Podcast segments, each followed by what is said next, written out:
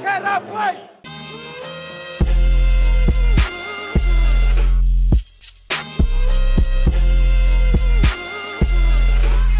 Jojo, Blaž, živo pozdravljen, kako si, kako gre zadnjič futbol, danes basket, eh, si pripravljen za del? Normalno, zdaj sem čakal cel teden na tole.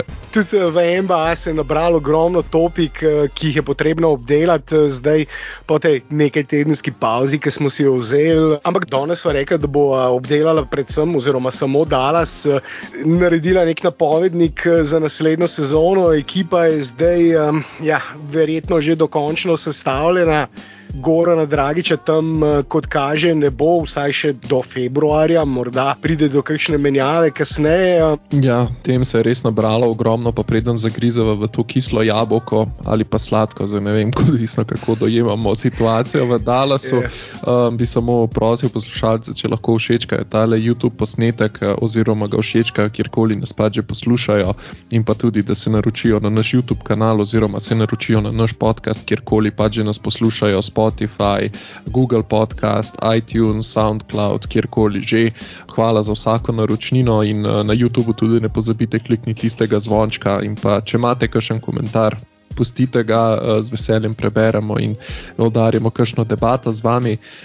Huh, no, zdaj je ta formalni del mimo, zdaj pa ja, eh, kislo ali sladko jabolko, kako bi kategoriziral to temo.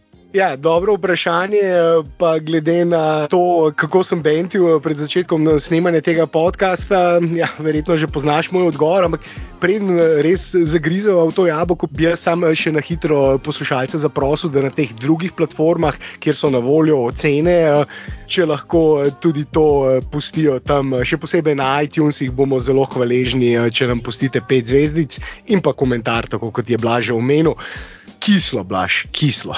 Zelo kislo je tole jabolko. Čeprav na koncu mislim, da lahko ima Dallas uspešno sezono, ampak če začneva samo z njihovim eh, free agencyjem, prestopnim rokom, temu, kar so naredili poleti, pa če pogledamo najprej spremembe v front officeu. Eh, na trenerskem položaju, na vodilnih položajih, eh, in potem še kaj je ta nov front office naredil poleti, katere igralce so pripeljali, eh, je to jabolko zaenkrat zelo kislo, oziroma precej bolj kislo kot sladko. Kaj bo pa Luka iz tega naredil, kako se bo vrnil uh, Porzingis, ali lahko morda kasneje izpeljejo kakšen trade, ki bo malce spremenil napovedi za to sezono. Vse to so določene neznanke, v katerih ja, bomo pa zdaj malo predebatirali.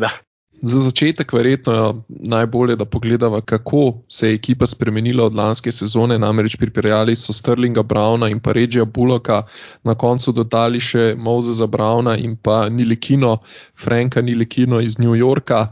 French princa oziroma eh, Franki Smokesa.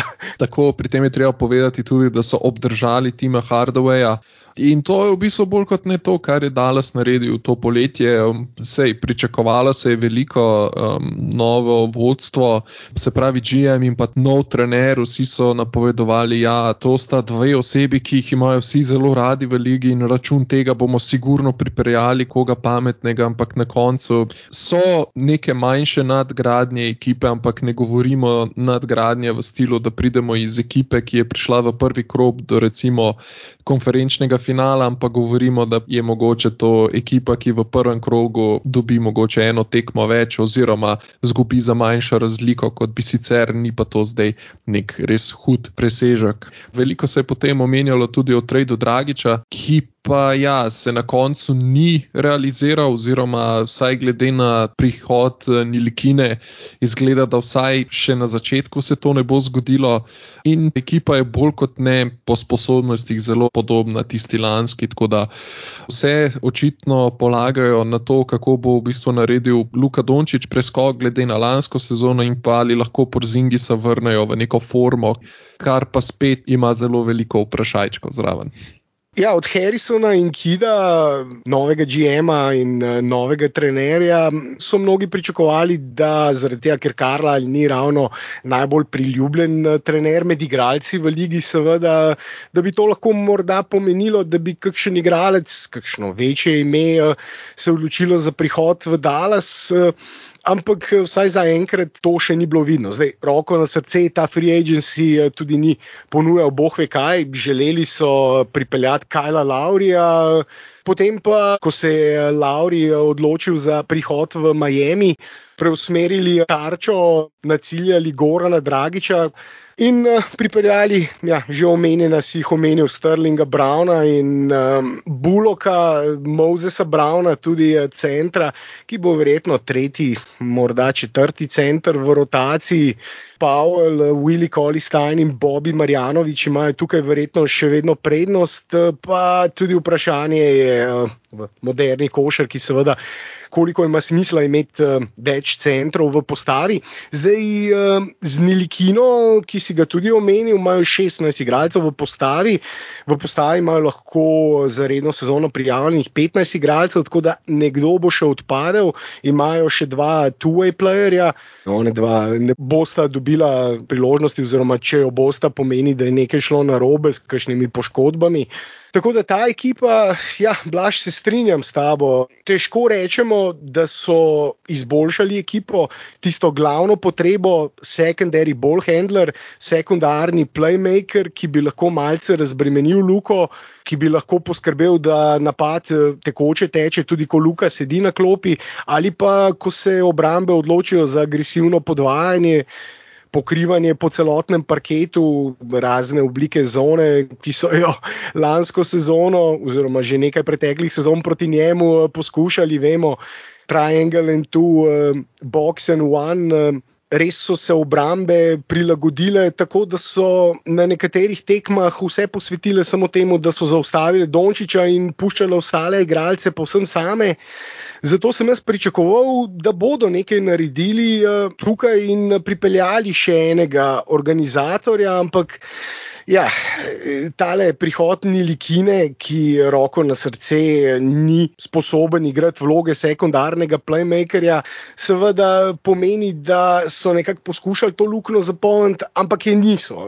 To je marginalen podpis, ki mislim, da ne bo nič spremenil, odličen obrambni igralec, ki je pa. Ja, skoraj da povsem neuporaben v napadu. In uh, mislim, da najbolje kaže, kako problematičen je zaradi svojega napada to, da ga ti bodo v New Yorku, ki vemo, da slovi kot obrambni trener, daje poudarek predvsem igri v obrambi, pa se ga je odpovedal uh, in ga kljub njegovi odlični obrambi ni želel zadržati v moštvu, ker je v napadu tako nekoristen. Ja, ne na zadnje, kako dober je v obrambi, smo lahko videli tudi z eno olimpijskih igrah, ko je Slovenija igrala proti Franciji, kjer je imel Luka Dončić z njim ogromno težav, ko so ga francozi spustili na ne. Velik razpon rok ima, zelo je močan, zelo je gibljiv in uh, Luka ja, je imel ne malo težav z njim, ampak ni pa igral veliko ravno zaradi tega, kar ti omenjaš. V napadu pač ne da ničesar, tako da so ga v bistvu poslali notri samo zato, da je tista tečna muha, ki utruja Dončića tistih nekaj minut in to je to. Ne. In kaj več verjetno pač od njega ne moremo pričakovati niti v Dallasu. Na olimpijskih igrah je on igral manj kot 7 minut proti uh, Sloveniji, in uh, njegova statistika je bila totalna nula. Nič točk, nič skokov v obrambi, nič skokov v napadu, nič asistenc, no, ja, tudi brez izgubljene žoge, ampak tudi nič ukradenih in nič blokad. Uh, tako da ne vem, koliko vpliva je on imel uh, na koncu uh, na predstavo Luke, ampak je dodal svoje, recimo, k tisti obrambi tisti tekmi je Luka imel 18 podaj in odigral eno najboljših playmakerskih predstav. Vseh časov, ko govorimo o olimpijskih uh, turnirjih. Ne samo 18 podaj, ob tem samo eno izgubljeno žogo. Take playmakerske predstave ja, so uh, redko videne, ampak da se ne bo na olimpijske igre vračala, ni likina. Mislim, ni likina je na olimpijskih, kar je na Dončiću igral, obrambi je igral dobro. Takrat Dončić ni naredil veliko, ampak ravno kot si omenil, je pač igral samo 7 minut, ne, ker pač je neuporaben posod druge. Ampak pravim, tisto malo, kar pa je pokril Dončić, pa se jaz prav spomnim, prav v možganjih imam noter zapečateno tiste situacije, ko, kako ga je pokrival, ker sem rekel, v pismo, tako le Dončiča pa ni še nobeden peril na teh olimpijskih igrah. In mislim, ampak hočem jih to, ta kontrast, ne, da je pač res dober v obrambi, ampak je tako zelo hodičev, velik manjko v napadu, da je pač na koncu neuporaben. Tako kot Michael Kidd Grillkrist, ki ga je imel Dallas še dve sezoni nazaj. Ja, sezono nazaj, v Balončku je še igral, eh, tudi odličen obrambni igralec, ampak eh, to, da je igral v Balončku, je bila posledica poškodb v ekipi, ker ja, zaradi pomankljivosti v napadu ne more igrati uh, kakšne resne minute, še posebej ne v playoffu. In tukaj pridemo že spet do tega, da jim še vedno manjka en secondary ball handler in da jaz mislim, da bi morali precej več narediti in riskirati kakšnega od njihovih mlajših igralcev igralcev, zato da bi pripeljali Dragiča.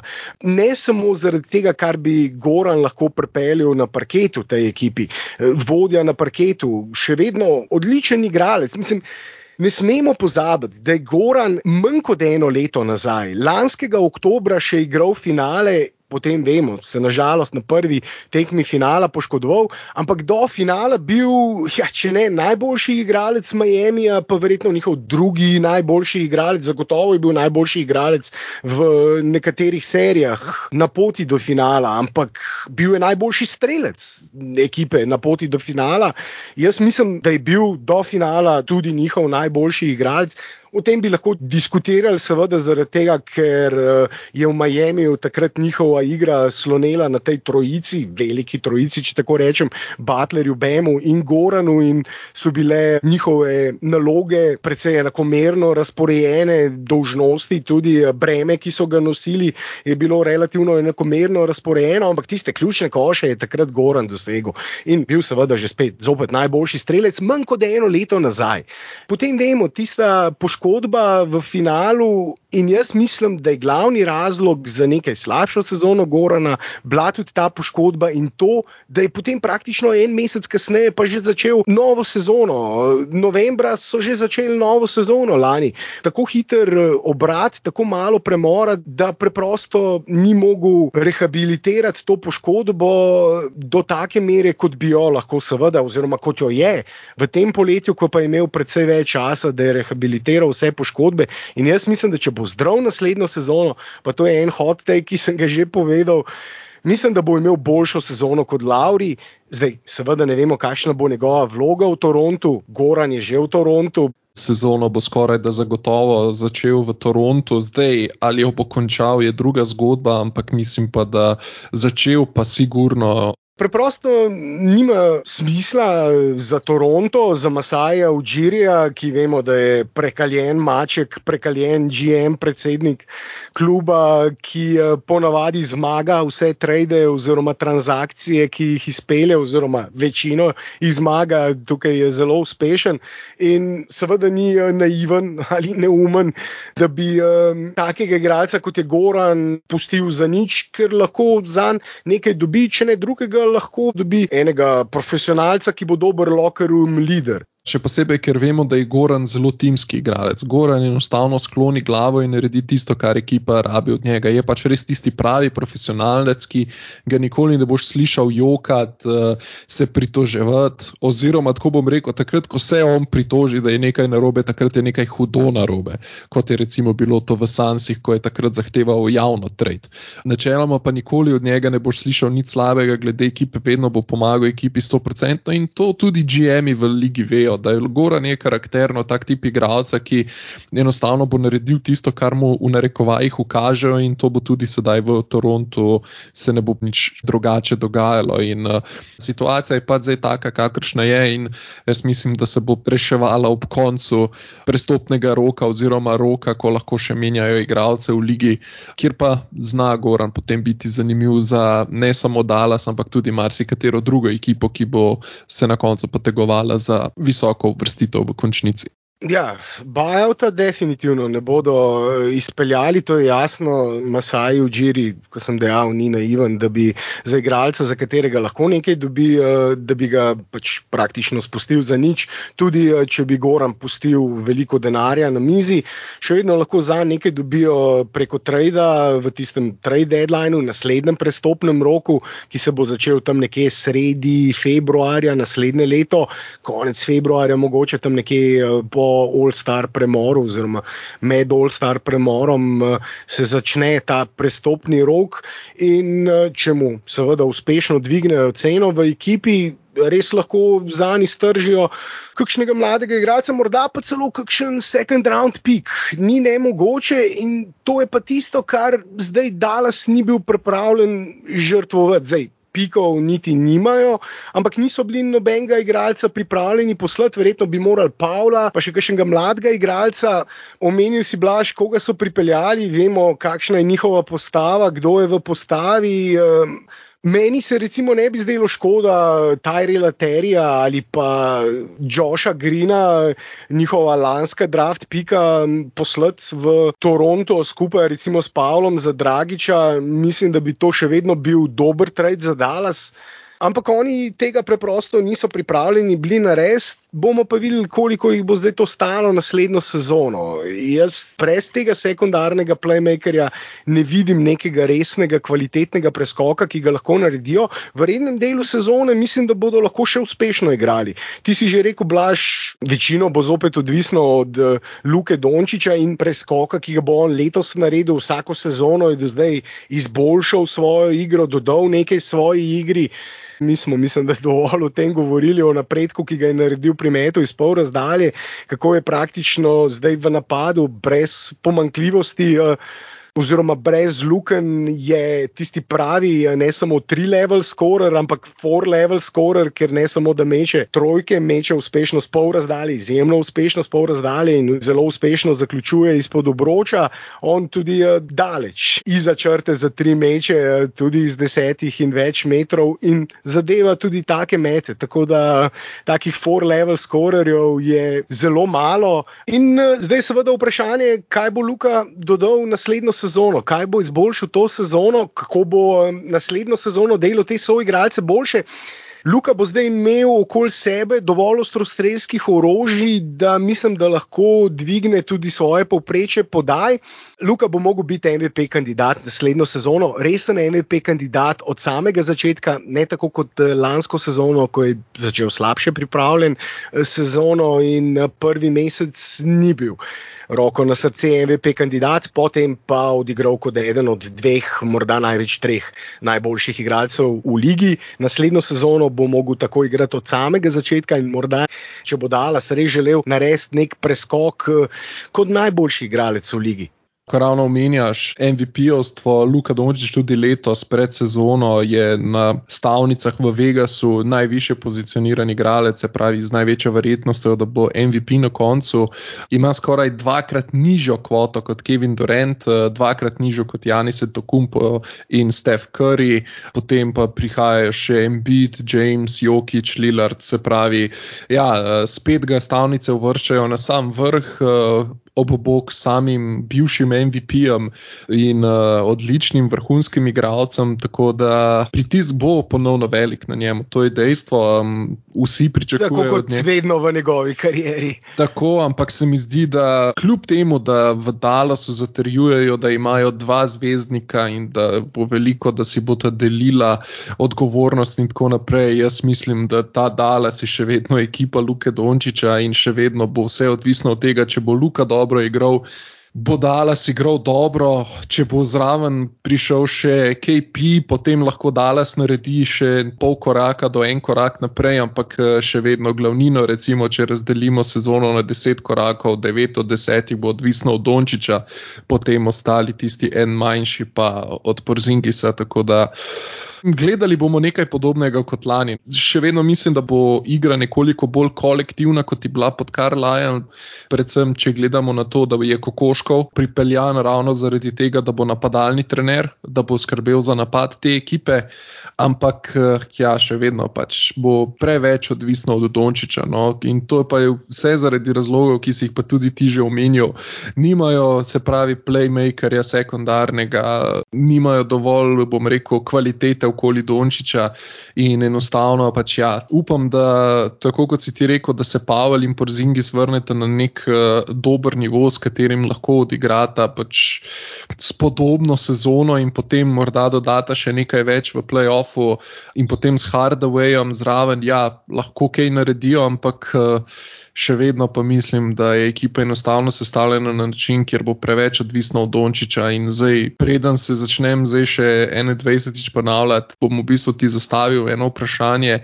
Kaj misliš, da je plan tega trenerskega štaba za Porzingisa? Misliš, da bojo več igrali na njega kot v raketi, se pravi Postap, ali bojo nekako probali zgraditi sistem, kjer bo on igral to, kar smo upali, da bo igral, se pravi nekoga, ki bo igral dobro v obrambi bil Rim protektor in potem na drugi strani z utekanji in pa z metanji trojk nekako širil prostor, se pravi, bil neke vrste v bistvu ena.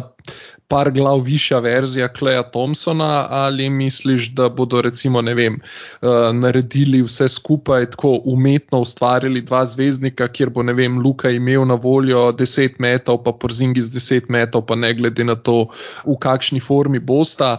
Uh, mislim, vprašanj je tukaj zelo veliko, no, ampak me zanima tukaj tvoje mnenje. Ja, ne se je uh, Kokoškova, ki si ga omenil, uh, tudi o njemu bi morala nekaj reči. Mislim, to je ena od dobrih potez, vsekakor. Pripeljali so nekoga, ki uh, odlično pozna Lukovo igro, ki tudi odlično pozna Luko.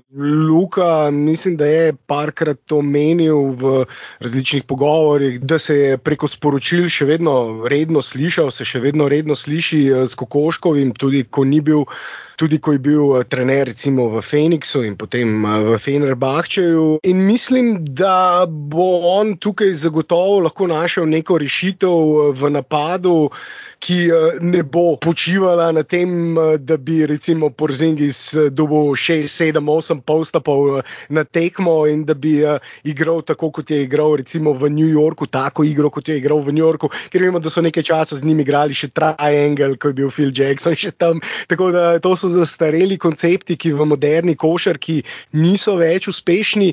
Zato, ja, nek super-sized Clay Thompson bi bila idealna vloga za njega, če pa temu dodamo še nekaj več pikerolov, če bi se še malce bolj pogosto odvajal pod obroč, napadal obroč, utekal, tako kot si ti rekel, morda v tranziciji več tekel in na ta način dobival več metov, to bi bilo idealno, ampak zato bi tudi on mogel biti atletsko, fizično odlično pripravljen, brez strahu pred poškodbami, ki je očitno na njej, če ne sama poškodba, pa strah pred to poškodbo, je očitno zadnjo sezono na njej moral nekaj vplivati, ker je preprosto bil manj agresiven pri napadanju obroča, bolj boječ eh, pri eh, blokiranju nasprotnih igralcev, eh, pokrivanju rakete, prepočasen pri prevzemanjih. Bil je največja luknja, največji problem Dalasa v obrambi, čeprav so ga pripeljali ravno kot tistega, ki bi recimo popravljal napake v obrambi drugih in bil tisti um, ditrektor pod obročem, uh, ki bi strašil nasprotne igralce pred prodori. Uh, in eh, preprečeval, seveda, lahka polaganja, zabijanja pod obročem, če bi eh, prebili nasprotni igralci zunanjo linijo, torej pokrival hrbet svojim branilcem in eh, bil na nek način poveljnik Dalasove obrambe. Oni so pravzaprav želeli, da bi postal tam kandidat za mm, obrambnega igralca leta ali pa vsaj za eno od dveh najboljših obrambnih peterk leta. In prvo sezono po poškodbi je, vsaj večji del sezone, ko se je vrnil, je bil uh, zelo koristen ditrektor, če uporabim že spet to uh, angliško besedo. In če bi on spet postal to, potem blašti si rekel 9 proti 1, koliko bo odvisno od Luke, koliko od Porzingisa.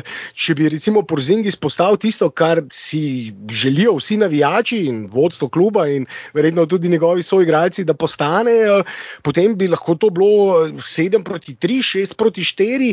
Idealno pa bi bilo, da bi imeli dva superstara, dva enako pravna superstara, ker to je tisto, kar seveda rabiš za to, da usvojiš naslov, ali pa če ne dva superstara, pa vsaj drugo in tretjo opcijo na nivoju, recimo, um, Drewa Holidaya in Krisa Middletona. To sta recimo dva igralca, ki sta na all-star nivoju, ki sta tudi znatno prispevala k temu, recimo, zadnjemu naslovu Baksov. Če vzamemo ta primer kot ekipo, kjer je samo en tisti pravi superstar. Ampak imaš pa potem še dva zvezdnika, pa tri, štiri igralce, ki lahko začenjajo v šampionski ekipi.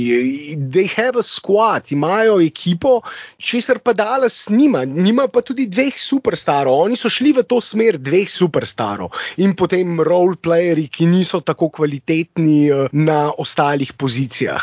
Lakersi so pa primer ekipe, ki vse gradijo okoli dveh superstarov, Lebrona in Antonija Davisa. Tako kot je Dallas eh, računal z Luko in Porzingisom, ampak Luka je Lebron, če tako rečem. Luka je superstar, Luka je svoj del pogodbe oddelal, ni pa seveda Porzingis niti približno tako dober kot Davis. Če bi Davisa zamenjal s Porzingisom, oziroma če bi uh, Davisa pripeljal v to ekipo s povsem istimi igralci, bi pa jaz rekel, da je to ekipa, ki se lahko resno bori za naslov, ki lahko resno računa na prvo ali drugo mesto na zahodu.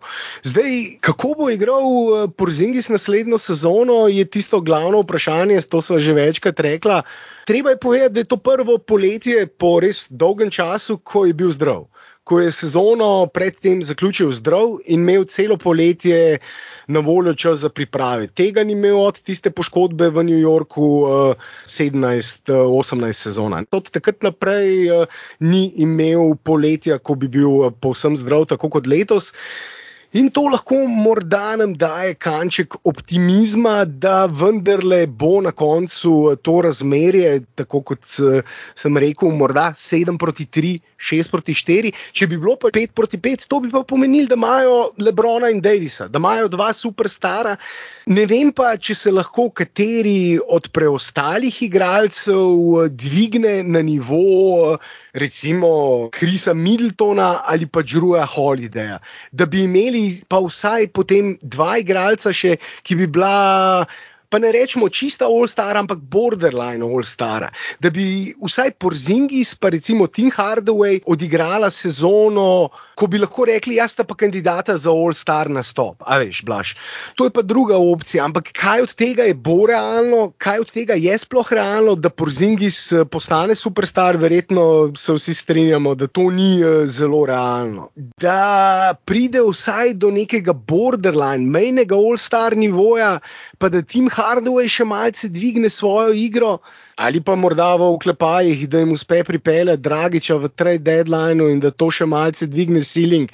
In seveda, da Goran odigra še eno sezono ali pa en playoff, potem tako kot je odigral uh, lanski playoff v Miamiju. Uh, To lahko eh, spremeni zadeve, ampak to so vse neznanke, na katere bomo dobili odgovore, šele ko se bo začela sezona, pa ko bomo si lahko pogledali, ne vem, 5, 10, 15 tekem. Vedno je na začetku sezone, povsem na samem začetku, težko delati kakšne ocene, ampak mi jih bomo, pa bomo verjetno tudi overreactali in preveč reagirali na kakšne stvari v eno ali pa drugo smer, ampak neke realne ocene pa blaž se veš, vedno tudi rečejo, tam po 10, 15 tekmah bomo lahko še šele resno rekli ali pa videli, kakšna bo ta ekipa in kakšen je njihov, oziroma bo njihov domet.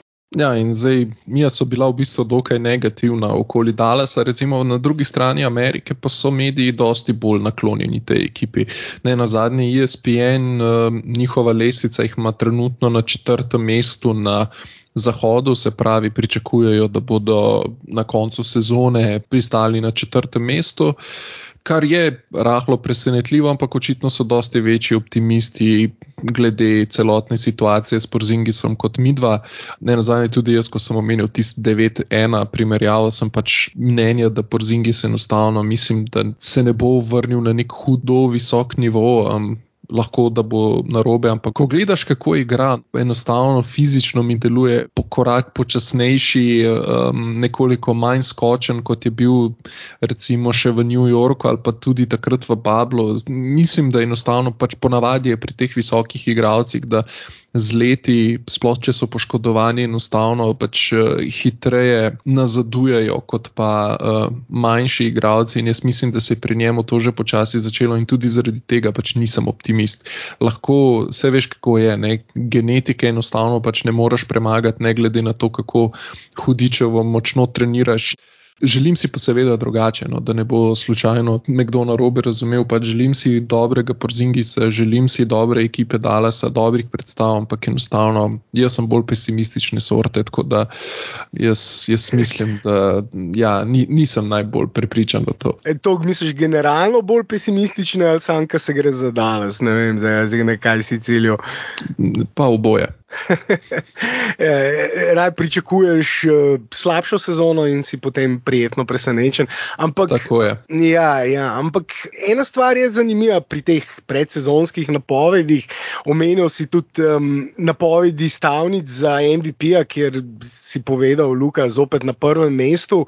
Ta ESPN-ov Power Ranking, tudi na NBA-vem, NBA.com Power Rankingih eh, je Dallas na četrtem mestu pred začetkom sezone, ampak ne vem, koliko so te predsezonske napovedi eh, na koncu relevantne. Namreč eh, zanimivo je, da ne pri MVP napovedih na stavnicah možnostih, ki jih dajo posameznemu igralcu eh, stavnice, recimo Jokič, lanski MVP, ni visoko, tam nekje na 8., 9. mestu, pa lani tudi ni bil visoko. Podobno, recimo Denver Nuggets so na šestem mestu. Mi je bilo zanimivo, eh, da jih tako nizko vidijo analitiki ESPN ali pa MBA.com v primerjavi recimo z Dallasom. Zdaj, res, da tukaj eh, poškodba Marija zagotovo igra vlogo, ki se ne bo vrnil še na začetku sezone, morda se bo vrnil šele tam nekje pred koncem sezone, ampak konec koncev vendarle imajo The Reigning MVP-ja, aktualnega MVP-ja in so ekipa, ki je nazaj pripeljala Erona Gordona, imajo Michaela Porterja Jr., mislim, imajo več talenta, kot ga ima Dallas. Če gledamo gledamo samo pozicijo za pozicijo, igralca za igralca, tudi eh, če upoštevamo poškodbo Mrija, se mi zdi bolj nadarjena ekipa. Res je pa, da nagici nimajo Dončiča, zdaj mnogi bojo se. Razjezili in rekli, pa se imajo Jokiča, ki je isto dober kot Dončić, ampak tukaj bi pa zapadli eh, v eno povsem drugo debato. Pa te debate ponovadi eh, so zelo dolge in jim ne pridemo do konca, ko delamo razne rankinge igralcev in uh, je fair in dobro, da počakamo še kakšen podcast s temi rankingi predsezonsko, recimo napovedjo najboljših igralcev, ki jo bomo tudi naredili. Jaz bi samo rekel, da me na nek način ne preseneča tako visoka pozicija Dallasa in vidim nek možen scenarij, kjer lahko sezono zaključijo kot ekipa s prednostjo domačega parketa, torej top 4 ekipa Zahoda. Če omenim samo prve tri ekipe še na teh power rankingih, Pred Dallasom analitiki vidijo Utah na tretjem mestu, Los Angeles Lakers na drugem in Phoenix Suns na prvem mestu. In tukaj bi tudi rekel, da so poškodbe lansko sezono res eh, močno vplivali, ne samo poškodbe, tudi COVID močno vplival na sezono.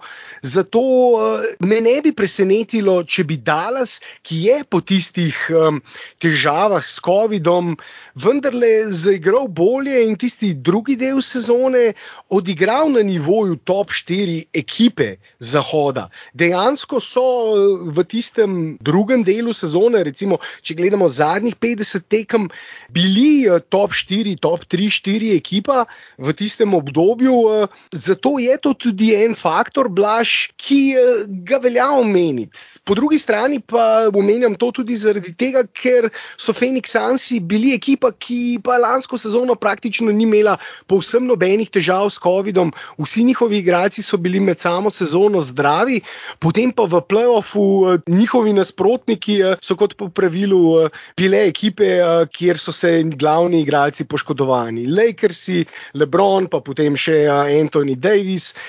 Denver je bil brez Mrja, smo že omenili, Clippersi so bili pa brez Kawaja in Phoenix Ansi so zagotovo.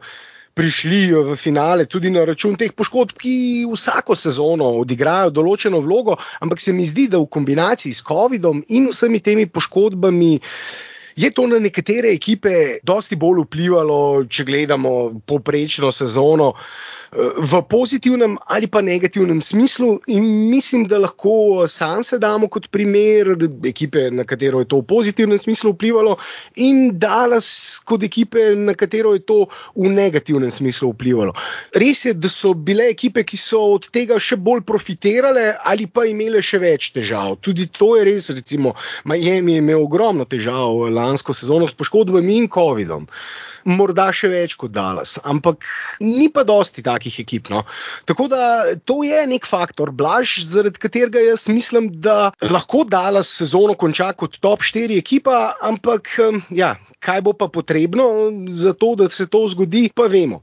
Ampak vprašanje je pa potem seveda playoff tukaj se pa pokažejo tiste pomankljivosti pri uh, sekundarnih playmakerjih uh, še toliko več. V playoffu se pa res ekipa lahko odlično pripravi na nasprotnika, ni nobenih presenečenj, kjer uh, se vse ve v nasprotniku in kjer je obramba naštudirana do zadnje potankosti, uh, kjer so rotacije še toliko hitrejše, prevzemanja in uh, res stvari uh, vemo, vse rečemo. V NBA se igrata dve sezoni, redni del, potem pa playoff. Obramba v playoffu je nekaj posebno drugega, zraven pa še sodniki očitno sodijo dve sezoni, ker eh, vemo, potem v playoffu pustijo mesarsko klanje, medtem ko v rednem delu sezone pogosto ja, pihneš na igralca, pa so prosti meti. In tukaj je pa tisto vprašanje, Blaž, kaj misliš, da lahko v playoffu naredijo?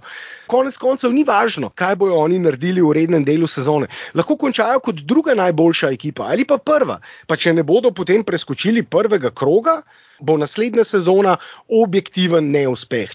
To je tisto vprašanje potem rednega dela. Ne? Kako v bistvu se postaviti v pozicijo, kjer v bistvu ti odločaš svoje usodi v narekovajih. Ne?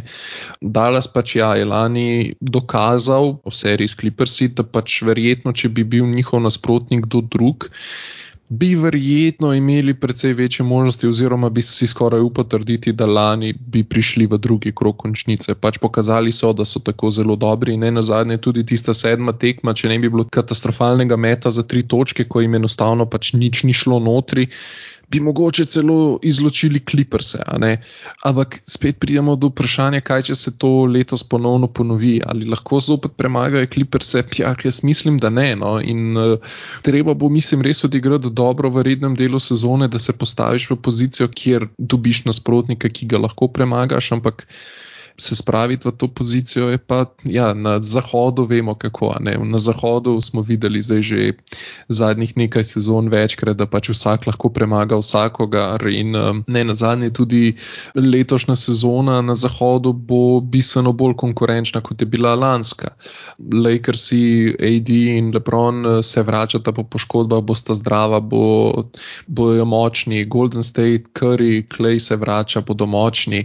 Uh, Clippersi so močni močni, Denver je močen. No, Clippersi, uh, Blaž, ne bodo tako močni kot lansko sezono, ker bodo brez Kawaja. In tudi tukaj, uh, Clippersi naslednjo sezono bi znali biti ugoden nasprotnik, če se Kawaj seveda ne bo celotno naslednjo sezono vrnil. Če bo izpustil celoten redni del sezone, se samo za playoff ne bo vrnil. Tako da zna se zgoditi, da naslednjo no, ampak... sezono ne bo igral. No, ampak še vedno, ne, ostal sem zdaj pri Clippersih, a veš, tukaj je še Utah, Phoenix, uh, finalisti. Ja, ja, mislim, pač enostavno tukaj bo mesarsko klanje, tudi Memphis uh, zna biti dober. Mislim, želani so kazali, da pač uh, lahko konkurirajo. Portlanda, recimo, nisi še omenil, ki prav tako meri na najvišja mesta. Ja, in mislim, ravno to hočem povedati. Zdaj, če postavimo bog teh ekip, ki so jih naštevali, Dallas za koliko lahko rečeš, da je Dallas res boljša ekipa od njih. Ne prav veliko. Ne? In um, to je tisto, kar mene rahlo skrbi pred to sezono in pa seveda potem tudi v playoffu.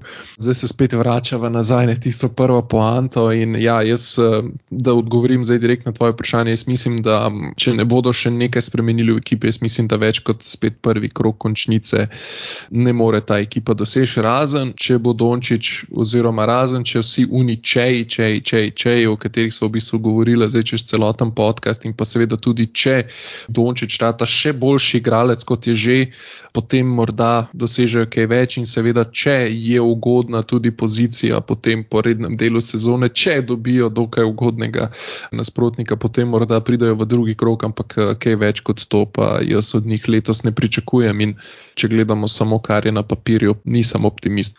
Ti si zdaj nanizal nekaj, če, če potegnem črto pod te če, bi jaz rekel, da če bo ekipa zdrava, če bodo vsi igralci, ki jih imajo zdravi. In Luka imel sezono, kakršno vsi pričakujemo od njega, bodo top 4 ekipa Zahoda in bi lahko imeli potem v prvem krogu tega mesarskega Zahoda malce lažjega nasprotnika. In to bo tista prva bistvena stvar, seveda, končati tako, kot smo že v bistvu rekla, končati čim više redni del sezone, za kar imajo dovolj talenta, seveda z MVP Luko v postavi. Dejstvo je, da za status resnega kandidata za naslov, konkurenta za naslov, rabijo več talenta, rabijo več izkušenj, rabijo Gogija. Mislim, da bi Gogi dvignil plato te ekipe. Mislim, da tej ekipi tudi še vedno manjka nek resni locker room leader.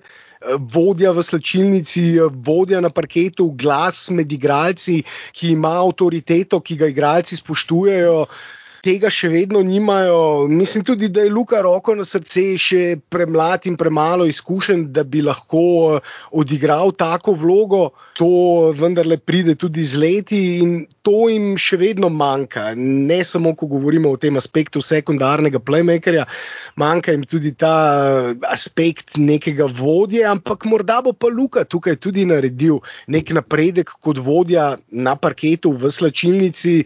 Blaž, tako kot smo, ja, zdaj se že malo vrtiva, povedala, kako bo s tem, bomo pa videli. Mi bomo zdaj s podcasti zopet redni, redno spremljali dogajanje v NBA ligi, pa tudi na tej strani Atlantika, blaž tudi k malu, kakšen podcast o prihajajoči sezoni ABA lige, Eurolige. CD-viti Olimpiji v Eurokupu, tudi o tem bomo mogli kakšno reči, pa seveda nogomet. In vsi ostali popularni športi, sezone so se na veliko začele, stvari se dogajajo. Ja. Mi se bomo pa potrudili, da bomo analizirali vse to dogajanje za vas. Bi še kaj dodal, Blaž, so še kaj pozabila? Mislim, da so bila tokrat res izčrpna, glede na to, da smo se začela že malo vrteti v krogu. Mislim, da nismo več pozabila. Ja, res so začela se že malo vrteti v krogu, tako da je res idealno, da zaključiva tale podcast, potegneva črto. In ja, um, ne pozabite se naročiti na naše kanale, da boste obveščeni, ko pridejo v novi podcast. In tako kot je Matej že omenil, uh, nogomet, uh, košarka tukaj, košarka v Ameriki, košarka posod, nogomet, tudi drugi športi. Um, verjamem, da bo še veliko zanimivih športnih dogodkov do konca leta, oziroma v tej prihajajoči sezoni, ki jih bo potrebno pokomentirati. In zanimivih gostov tudi uh, kmalo, seveda, zopet novi sogovorniki, uh, no ja, stari sogovorniki. Uh, že v pretekli sezoni smo imeli ogromno zanimivih sogovornikov in enako tudi v prihodnji. Do takrat pa bi jaz rekel samo še adijo. Živijo.